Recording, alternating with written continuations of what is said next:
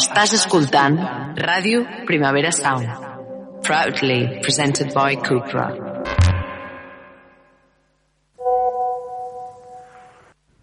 Fuck, Merry Kill, vi, cafè i postres. Vosaltres què diríeu? La Clàudia Rius, la Paula Carreras, la Rita Roig i l'Ofèlia Carbonell són gent de merda. I tu també.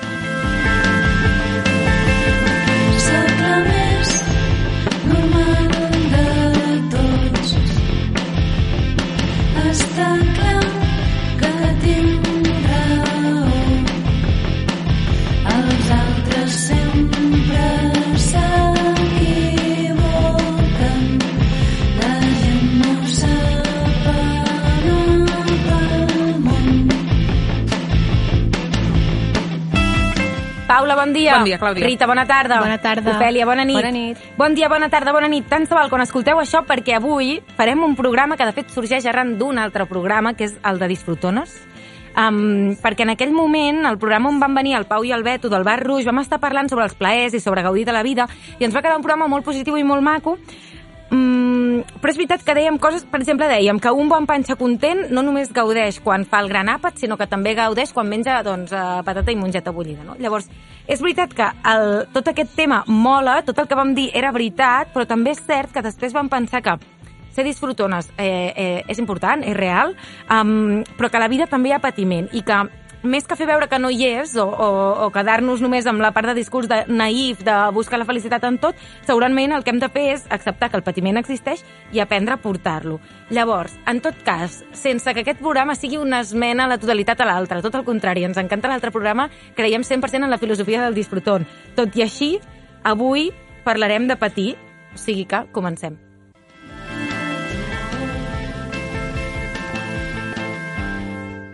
Paula, amb qui parlarem de tot això? Doncs amb l'actriu Alba Pujol. Què tal, com estàs, Alba? Hola, encantada d'estar aquí. Gràcies per convidar-me. Bueno, podri, puc dir actriu i dramaturga, potser, o què? O com et presento? Sí, com a actriu i...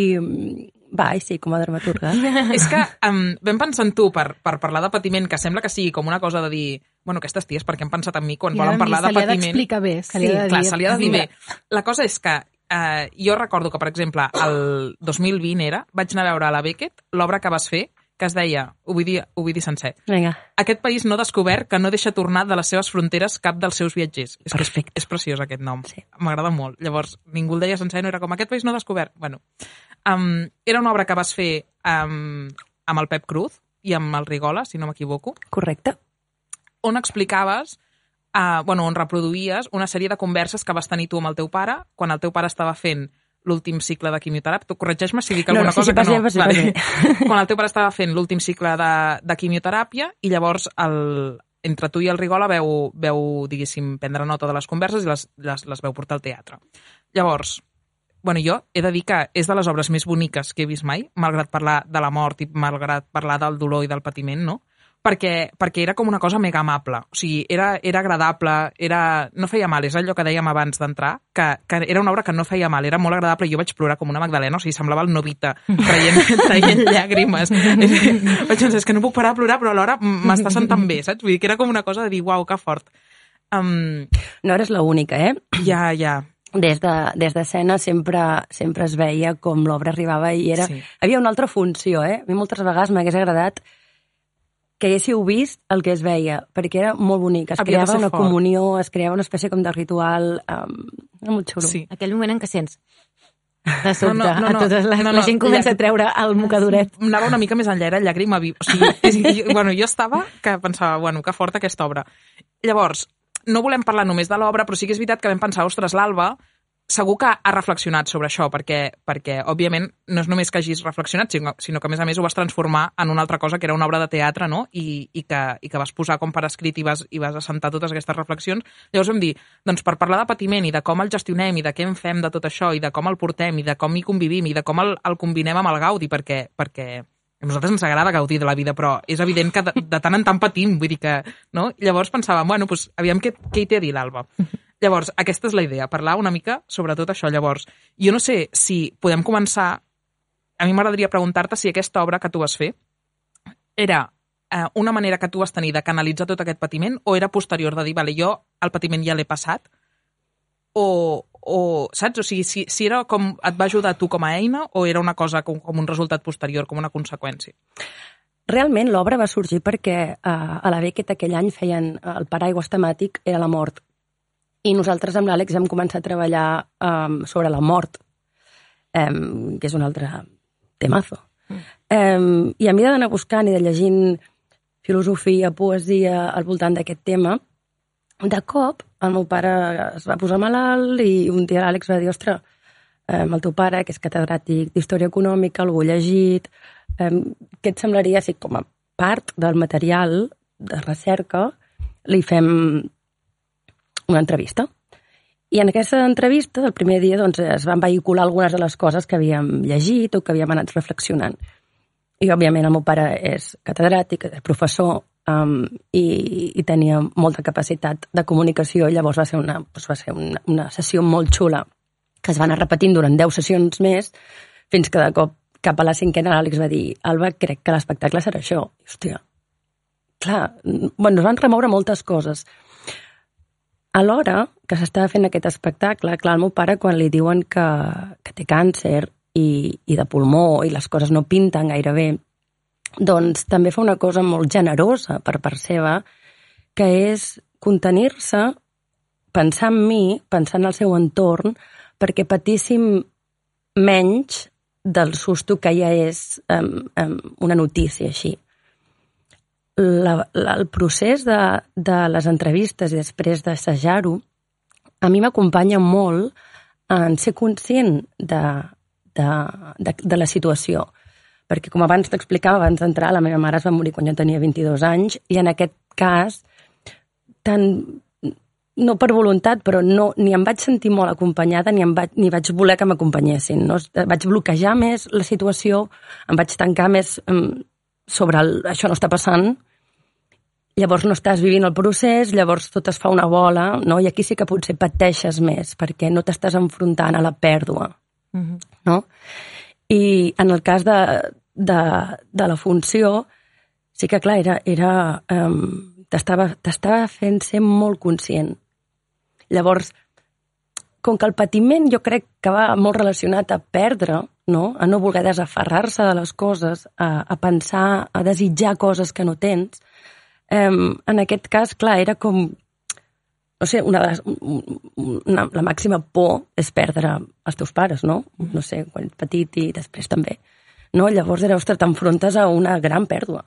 I, I puc dir que gràcies a aquest procés no vaig patir.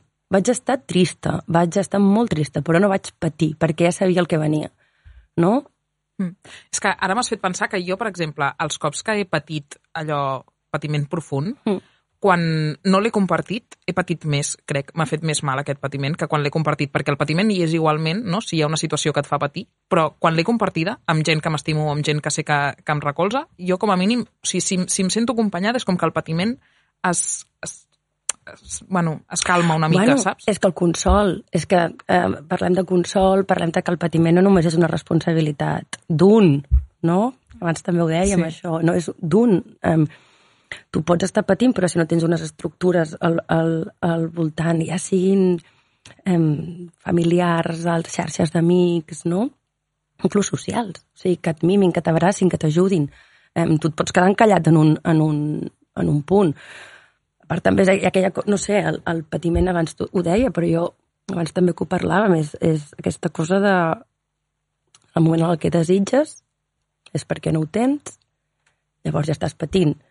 Has de vigilar què desitges, perquè depèn de què desitgis ja és un patiment, ja és un patir assegurat. Si ja hagués començat, condemnat a patir, condemnat, no? Ja. Imagina't si jo hagués començat a, a, a, a, a, a, quan el meu pare estava malalt, a desitjar que, que, que no es morís. Mm no, a no voler veure el que passaria, mm. no? Mm. Això hagués sigut un, un, un, un patiment pff, Clar, enorme. A, a mi em sembla molt interessant realment com el, el patiment que pot portar aquesta disassociació de, de no estar sabent llegir les coses bé o no, mm. o, o no poder o no entendre o no tal com per llegir les coses bé i que llavors a partir d'aquí quan tu no entens el món, o sigui que cada cop la, la distància, aquesta distància respecte a la realitat del que purament és, et fa patir, no? Tota, tota aquesta història extra que et pots arribar a muntar al teu cap, um, però alhora molts cops no es pot aturar aquesta història, no? Jo ara quan tu ho explicaves pensava, ostres, i com...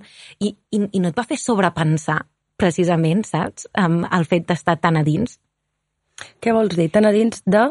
tan a dins de la, de, del fet de que el teu pare estigués morint i tu l'hora estiguessis fent aquesta història, em, no et va fer sobrepensar? O sigui, tenir massa informació... T'he de dir, t'he de dir que després de, dos, després de dos anys de fer la funció, va haver-hi un moment en què jo vaig començar a patir. Vale? Però a la que es va detectar, es va demanar pleguem veles, hem estat dos anys fent aquesta abraçada al món, vull dir, perquè per mi era un regal d'amor brutal, Mm. I ja està, fins aquí ha tingut aquest camí. Les coses s'han de deixar anar, i aquesta també. Saps? Llavors jo crec que el més important és, és, és això, que les coses com... Ara també sona... És que m'han fet gràcia que abans deia que, que el, el programa de, de, Dels disfrute. del disfrute, Sí. que no quedés com molt hippie, molt... però és que també penso, anava a dir-te, les coses s'han de deixar fluir, Mm. saps? I en aquest cas, o sigui, jo vaig començar a patir perquè contra més temps feia, més l'enyorava. Ja. I llavors, clar, és que eh, sobre l'escenari no és, que, no és que vivis res dolorós, era com inclús massa amor, en Mm. plan, o, o en un moment que oh, ja està, això ha tingut el seu moment i és hora de tancar. Ostres, saber escoltar això també, poder-ho parlar amb l'equip, òbviament que m'acompanyessin, evidentment, a la, a la decisió i dir, ostres, hem fet un superviatge de, de dos anys, em, perfecte.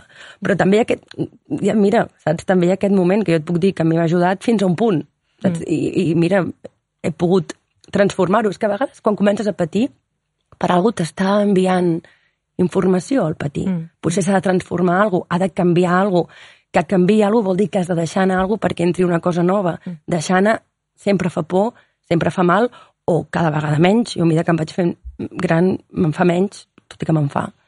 No? Però Nosaltres això també era un tema que, del que parlàvem l'altre dia, no? Si a mesura que ens fèiem grans Mm. el- canviava la forma de patir, si com que enteníem més coses, no? O sigui, mm, Sí, si, si podem arribar no, a preveure el, el patiment d'alguna manera de dir, bueno, quan el primer cop que vius una mort d'algú proper és un, és un, tu pateixes d'una manera, no? El segon cop que vius una mort d'algú proper pateixes igual, pateixes menys, pa- això evoluciona, evoluciona el patiment, evoluciones tu, saps? O sigui, com, com ens relacionem també com amb el, amb el cúmul de patiment que portem...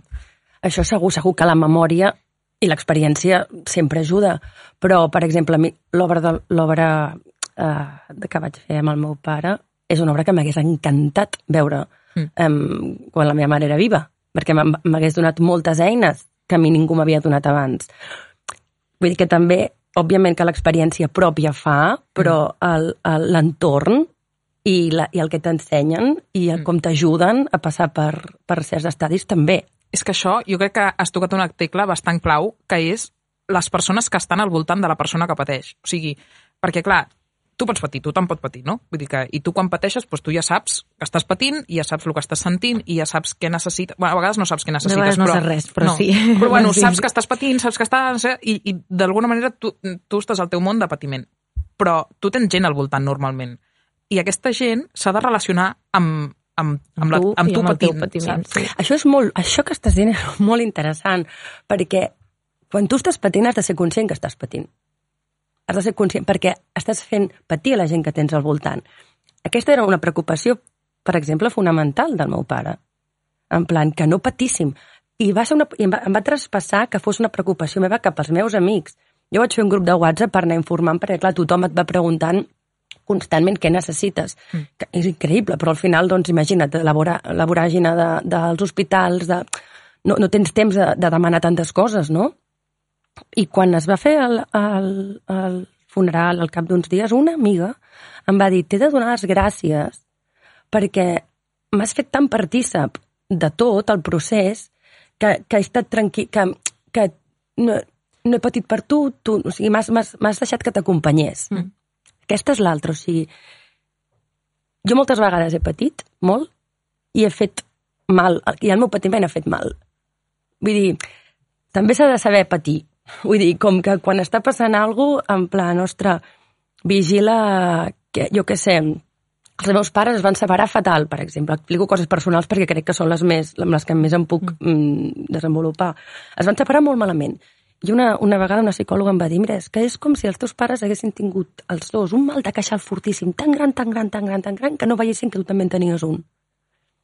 És molt simple la imatge, però, però a mi em va ajudar com perquè pensava, clar, tothom, tothom patia, llavors es fa una bola de patiment allà Mm. que, que, que, i després hi ha, Rebotes. re, que hi ha rebots que, ostres, que potser no tenen, no saben com gestionar-ho. S'ha de ser ample, també, el patiment. Sí, sí. És que a mi em costa saber, saps? O sigui, com pots responsabilitzar algú, perquè, responsabilitzar, perquè alhora tu què has de dir? Tio, estàs patint i m'estàs fent patir, però alhora dius, "Però si aquesta persona ja en té prou amb el seu patiment. O sigui, um, ben bé has d'esperar que se n'adoni un mateix o tu des de fora no pots dir-ho, no? O sí. Home, clar, no, ja t'entenc. És que és molt difícil el rol de ser la persona que veu algú que pateix i que, i que el vol ajudar. L'únic que pots fer davant d'una situació així és abraçar, contenir, donar consol i, i esperar que, que intentar facilitar mm, l'entorn. Hauríem de, de, de saber per què està patint aquesta persona, no? En, si és... Hauríem de tenir l'exemple. Clar, per exemple, algú que està patint perquè no troba feina, saps? I, i està mm, de manera com perenne a l'atur, o algú que està patint perquè... O sigui que a vegades, ara estem parlant molt de la mort, Però perquè això era el, el aquest teu... exemple que m'estàs posant ja estem parlant de, de, de la societat. En la, o sigui, en plan, Sí. el patiment Sí, però clar, són patiments igualment. És a dir, no, ho són, ho són, clar, però la responsabilitat, ostres, aquí, Ja. aquí mira, no sé, hauríem de mirar uh, um, on estem vivint i quina responsabilitat tenim cadascun en, en, en que aquesta persona estigui patint perquè no troba feina. Clar, però alhora, si, si ho agafes, o sigui, si és un amic teu que està patint perquè no troba feina... Ja que li dius, clar, ostres, pues, doncs... Clar. o sigui, A veure, el consoles, però és una Sí. realitat. També, a veure, un moment, o sigui, és que si està patint, això vull, vull entendre-ho bé, si està patint perquè no troba feina és una realitat. Si no troba sí, però, feina... Però alhora és veritat que, que per exemple, la, la taxa de gent que està a l'atur i que té depressió és, és molt alta. O sigui que realment al final sí que és una realitat no trobar feina, però després la depressió de després ja passa a ser com una malaltia mental que llavors sí que, sí que, sí que costa mm, saber, no? O sigui, com... No, Clar, I alhora crec que també és difícil en el moment de, de saber acompanyar diferents tipus de dolor i de patiment, perquè, per exemple, potser des de fora el que volem és arreglar-li, curar-li aquest Sí. patiment, no? I el que hem de fer és acompanyar-lo, potser, i a vegades costa saber la diferència entre acompanyar i voler-li arreglar, arreg- arreglar, entre cometes. Per exemple, ara dèiem algú que no té feina no sé què, potser si anem i li comencem a llançar ofertes d'oferta eh, de feina a la cara, li fem més mal que bé, no? Per, potser necessita més un acompanyament, o potser algú que està passant també el, separar-se d'una parella, potser necessita... Clar, a vegades, quan algú, veiem que algú pateix, busquem la ens agafa solució. això de, val, com puc arreglar-ho perquè per tallar aquest patiment? I, i, I potser, potser no l'has de tallar. Clar, i sento que no tenim molta educació de com... de, de no ser resolutiu, sinó senzillament entendre el sentiment que hi ha allà, no? O la, o A veure, si tu estàs... Però és que, clar, a veure, si, si tu pots fer una, alguna cosa perquè aquesta persona no pateixi, és a dir, si aquesta persona està buscant feina, no en troba, i tu vas i li dones una, una oferta de feina, Sí, sí. doncs perfecte. No, sí, sí, no, ente, però- entenem que Sí, aquesta sí, persona no està sí. trobant feina i potser, degut de que no troba feina, doncs no pot um, um, fer-se càrrec de, de certes despeses quotidianes i aquí és quan comences a patir, que no et facin, t'acabin fent fora del pis, que no puguis pagar el menjador als teus fills, no sé, mm, totes les coses que, sí, que o, envolten el fet de tenir o feina. emocionalment que no et sentis útil i que llavors acabi sent una cosa mm. més mental que una cosa, saps? Perquè realment, per exemple, o sigui, que a l'hora de no trobar feina, tu, jo què sé, doncs pots tenir alguna mena de subsidi que t'ajudi mínimament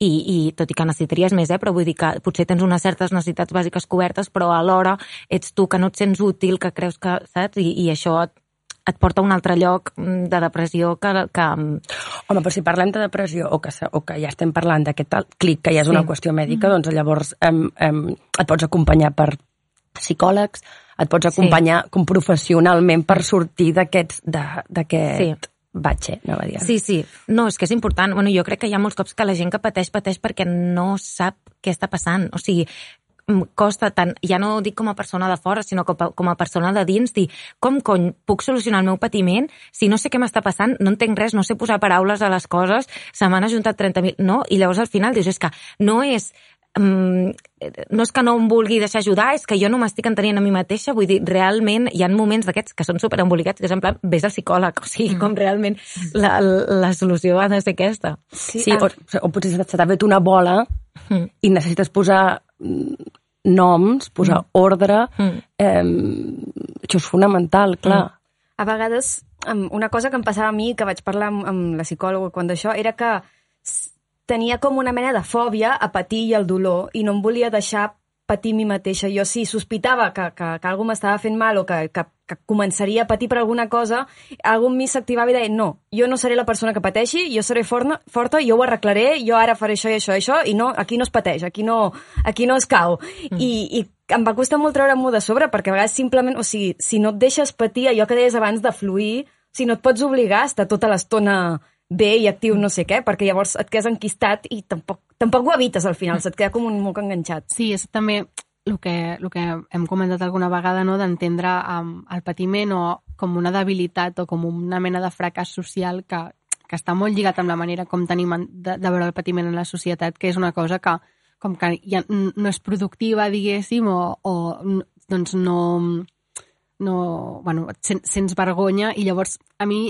una cosa que em, que em, que em fa pensar molt és la, la narrativa que creem després al voltant del patiment, que és com una justificació que fem col·lectiva que, o sigui, es, es, fa, es podria fer doncs, amb aquest amic que no té feina, però es fa amb, amb, amb tots els tipus de patiment, que és la cosa aquesta de quan ja ho has passat, la gent et diu, doncs t'ha fet més fort i jo crec que és un, com un recurs social que tenim per que sentim que potser estem acompanyant a l'altra persona dient-li que un patiment l'ha enfortit d'alguna manera, però a mi és una cosa que sempre m'ha molestat molt i que em, em fa, em, fa, mm, em genera molta incomoditat quan algú està explicant les seves penes més profundes o una experiència que ha sigut molt difícil i li diuen que, que o sigui, és com li treus una conclusió productiva del seu Mm. patiment i li dius, ara ets una persona més forta i i no sé si el patiment sempre et fa més fort. O sigui, a vegades potser simplement et fa més dèbil i ja està. I, i, i tampoc hauria de passar res, no? Vull dir, com el, el haver patit un dol no, no sempre et fa que estiguis més preparat per afrontar el següent. Potser el següent no té res a veure, no? Bueno, és que un dol el pots haver patit o no. Això és el que també, en aquest, en aquest cas, és el que volia dir, en, en, Mhm. comparant els dos dols que jo he passat, el de la mare i del pare. Clar. Un el vaig patir i l'altre el vaig transitar. Mhm. Patir, bueno, és que no puc posar-ho al mateix nivell, Mm. però Sí, és que jo també tinc la sensació que hi ha patiments que socialment estan més acceptats com a patiment i, i hi ha altres patiments que dius, bueno, això, per què pateixes per això si això no hauries de patir per això, no? O, o sigui, a mi, per exemple, em va passar que vaig perdre una tieta i el dol que jo vaig fer per la tieta era com que no estava socialment acceptat ni tan sols vaig tenir dies de, de feina o sigui, no, ah, mira, perquè no, perquè no és ni un pare, ni una mare, ni una... Saps? Vull dir que... I pensava, home, pues jo estic destrossada, perdona, eh? Però, mm. saps? Vull dir que, que era un dol que socialment no estava tan acceptat com perdre un pare o una mare. I dius, bueno, i tu què saps la importància que té aquesta persona a la meva vida, no? O què saps com, com, com he gestionat jo aquest dol? Vull dir que hi han coses que dius, per què mm, justifiquem més uns patiments que uns altres, saps? O això, no? No té feina, ja, bueno, però ja en trobarà. Per això no ha de patir. Bueno, no ha de patir, però si està patint, o sigui, saps? Que és una cosa de dir, per què justifiquem més uns que uns altres? És molt fort. A més a més, o sigui, em sembla a vegades que, clar, estem com... Parlem de patiment, dolor, no sé què, però em sembla que cadascú pateix, vull dir, la, la gent pateix diferent i un mateix dolor es pot patir de manera diferent, o sigui, hi ha gent, ho pots exterioritzar de manera diferent, sentir-ho de manera diferent i, i, i bueno, que, que és això, no? Que al final sembla, és que em sembla que, que no... Sembla que sigui com una mica tabú, no? Que, que no? que no ho vulguem discutir tant i que posem ok, això que t'ha passat és molt fort, vale? doncs et pots quedar a casa. Si, si és un altre grau familiar o una parella que no, és, no esteu casats, doncs no. No el pots visitar a l'hospital si, no, si no esteu també casats, no sé què. O el que deien del discurs de no, això t'ha fe- t'ha fet més fort, que es diu molt amb els casos de bullying. Per exemple, hi ha molt aquest discurs de sí, et van fer bullying, però ara, ara pots demostrar-los que, ha- que ho has patat com a persona perquè això que et van fer... Sí, que diuen que, que aquest, eh, et va, com que et van fer bullying, tu ara t'has fet més fort que ells, o els, els hi pots demostrar que et va millor en la vida. I a vegades simplement no, no, no de treure una cosa bona del dolor. Sí, jo, jo no sé si hi ha persones que tu, en el teu cas, quan tu dius és que jo, no, en, en una mort la vaig patir molt i l'altra la vaig transitar, creus que o hi ha hagut mai persones que hagin reaccionat malament a això? O sigui, que t'hagin dit, no, és impossible. O sigui, el patiment No. se sent i, i, i punt, saps? I, i no m'ho crec o no... no... no.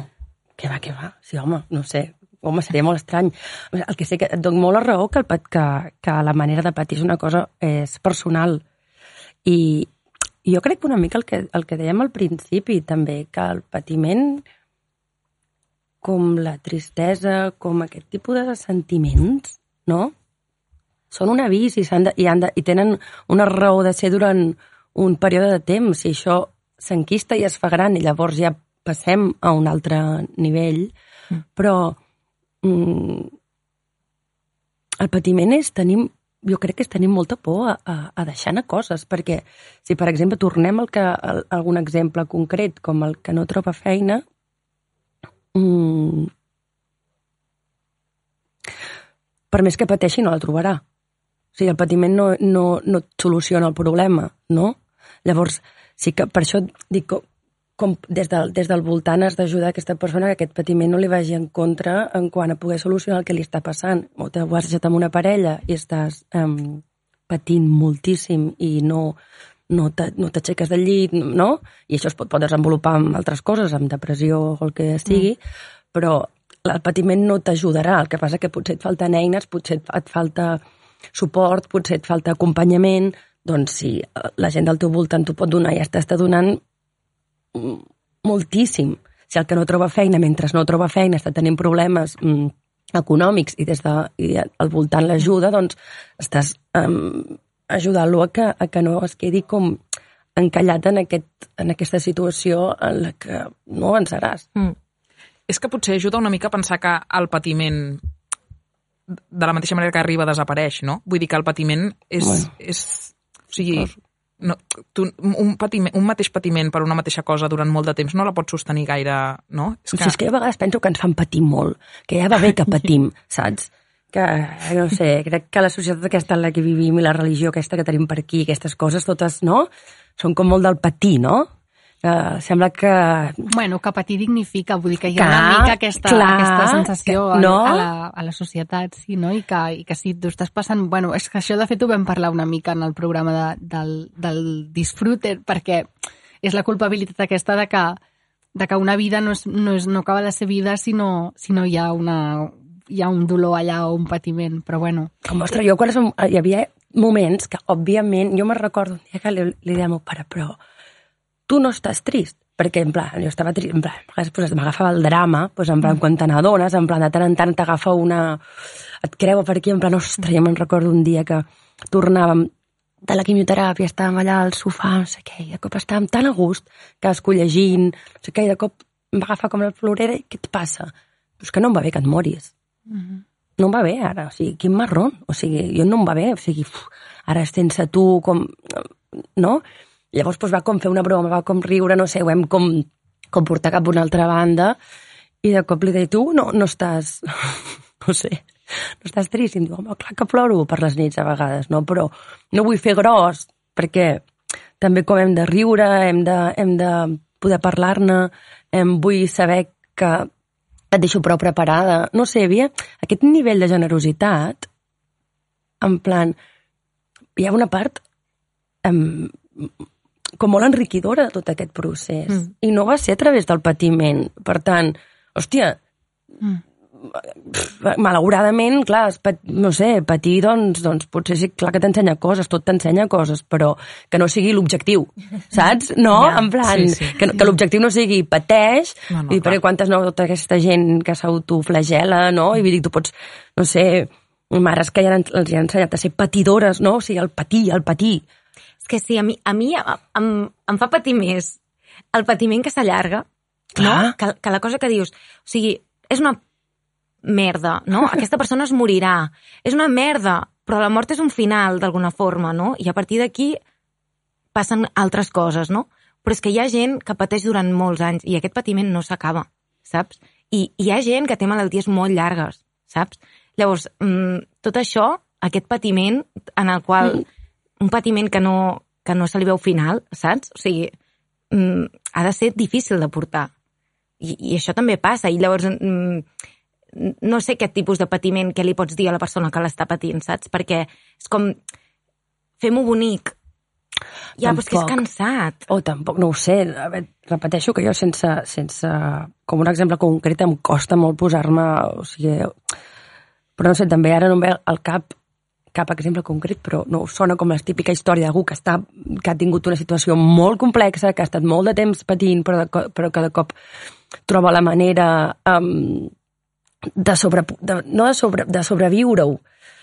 Ja, jo parlo de malalties, eh? Vull dir Ja, que, ja. que no pots sobreviure-les, Bueno, en plan, les has de viure cada dia. Conviure i... O, Sí. Clar, és que això és, és molt difícil. Bueno, i evitar que la gent pateixi, no sé, la, o sigui, per, per començar, jo crec que algú patint el que vull és que no pateixi i faré tot el que estigui a les meves mans per solucionar-ho, no? Si tothom féssim això, si tothom féssim, si visquéssim per, per, perquè la, la resta del món no patís, potser no patiríem tant.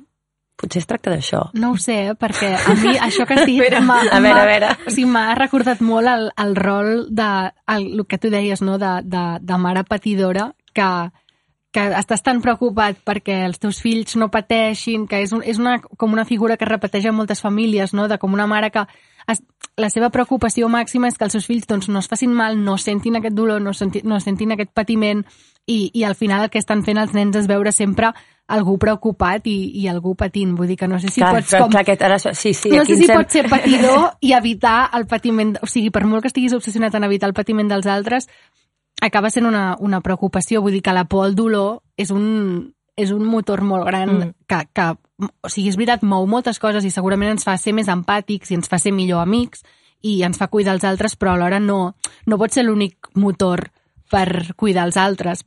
O sigui, jo molts cops...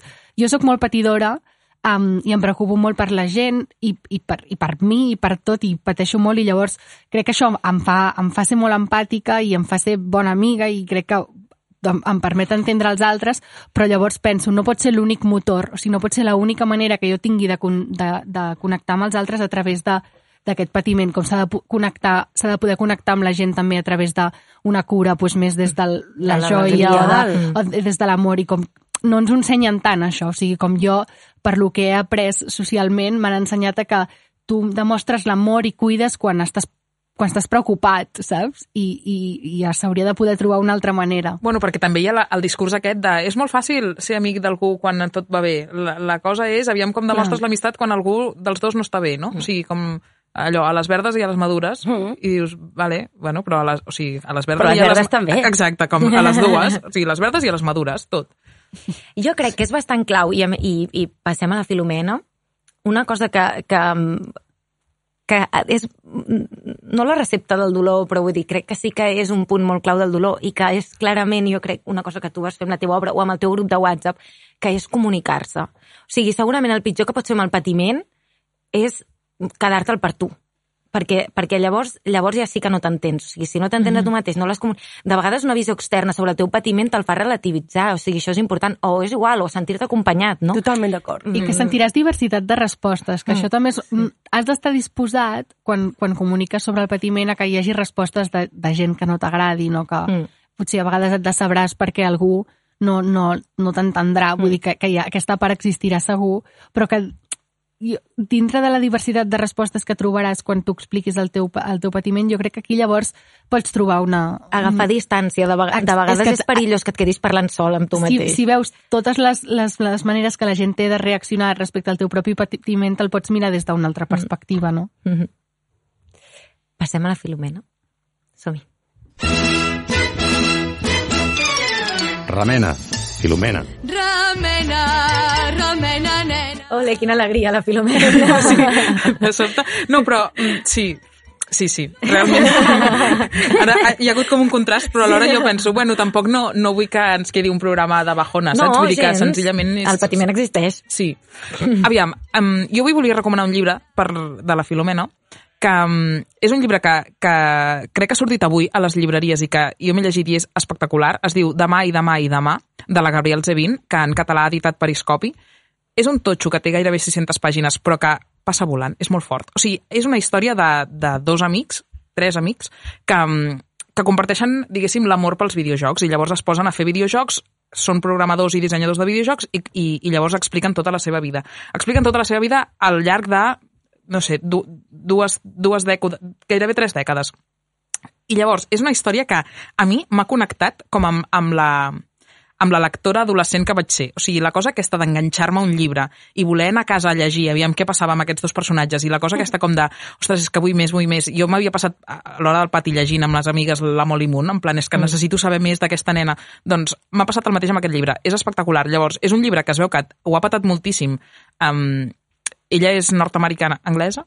Mm, no ho sé ara d'on és. Bueno, sí, i es veu que el, el New York Times la considera com una de les millors autores de, dels últims anys, però és que és la típica cosa que ho llegeixes i dius home, mm, bestseller, no sé què, fa mandra. No, és que no fa mandra, és que és espectacular. O sigui, és que, és que fa plorar, fa riure, et connecta moltíssim amb, les, amb la història d'ells, te'ls explica des de tan petits fins a tan grans que els coneixes perfectament els personatges. O sigui, és, és una història que jo penso, és que, tio, quin viatge més guai. Llavors, recomano 100% que no us faci por que sigui un totxaco així de 600 pàgines, perquè val la pena. És americana i hem de dir que realment, tot veritat, perquè la Paula porta mm, dues sí. setmanes com que realment mm, dient meravelles de- d'aquest llibre. Sí, tu vas dir això de, de connectar amb la jo lectora adolescent i llavors vaig veure que l'Andrea Gómez feia un tuit molt similar dient ai, m'ha recordat aquestes sagues que llegia És i que- llavors um, me'l deixes? Sí. Perquè jo tinc moltes ganes de, sí. de, de tornar a llegir d'aquesta manera. Jo quan trobo un llibre que em fa uh, absorbir-me d'aquesta manera és com penso, no tornaré a llegir mai més res que no Des, sigui després això. de la Rita vaig jo. Sí, el és una tornaré. mica putada de dir, bueno, i ara què llegeixo, saps? Ara he acabat Ja. això, ara què faig? Ja. Mm, però bueno, recomano, 100%. Recomanació. Molt bé, doncs acabem amb aquesta recomanació. Mil gràcies, Alba, per haver vingut. De veritat que ho agraïm perquè a l'hora de dir volem parlar del patiment, el primer que vam dir és no voldrà venir ningú. O sigui, en sèrio. Llavors, és, de veritat, t'ho agraïm moltíssim mm, que a través de la teva experiència no, i en, ens puguis, bueno, ens hagis pogut acompanyar amb tot, amb tot aquest tema. O sigui que moltes gràcies. A vosaltres.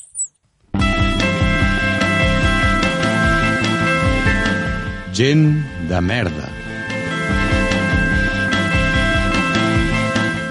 Aquestes que sonen són la Rombo. Nosaltres som la Paula Carreras, la Rita Roig, l'Ofèlia Carbonell i la Clàudia Rius i som gent de merda gràcies a la inestimable ajuda de l'André Ignat i el Rob Roman, que fan que tot soni i es vegi bé, la Caral Guinart, que ens ha fet aquest logo tan guai, i el David Caravent. La setmana que ve més. Adéu, noies! Adéu. Adeu.